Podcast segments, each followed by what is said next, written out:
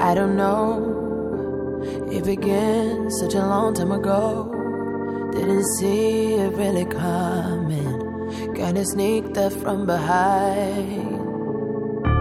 There she was, like a twin, but twice as beautiful.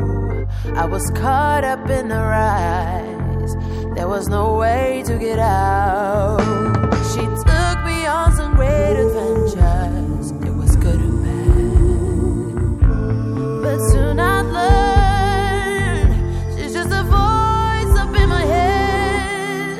Did I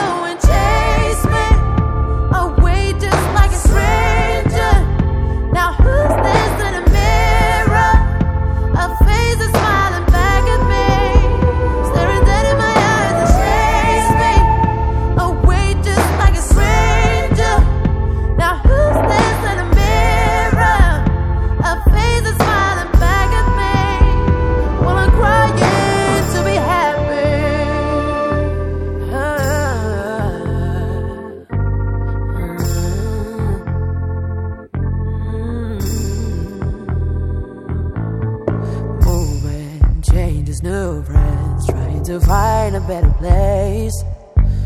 But just as I settle, I can feel her breath getting hot on my neck. Baby steps, learning how to speak again.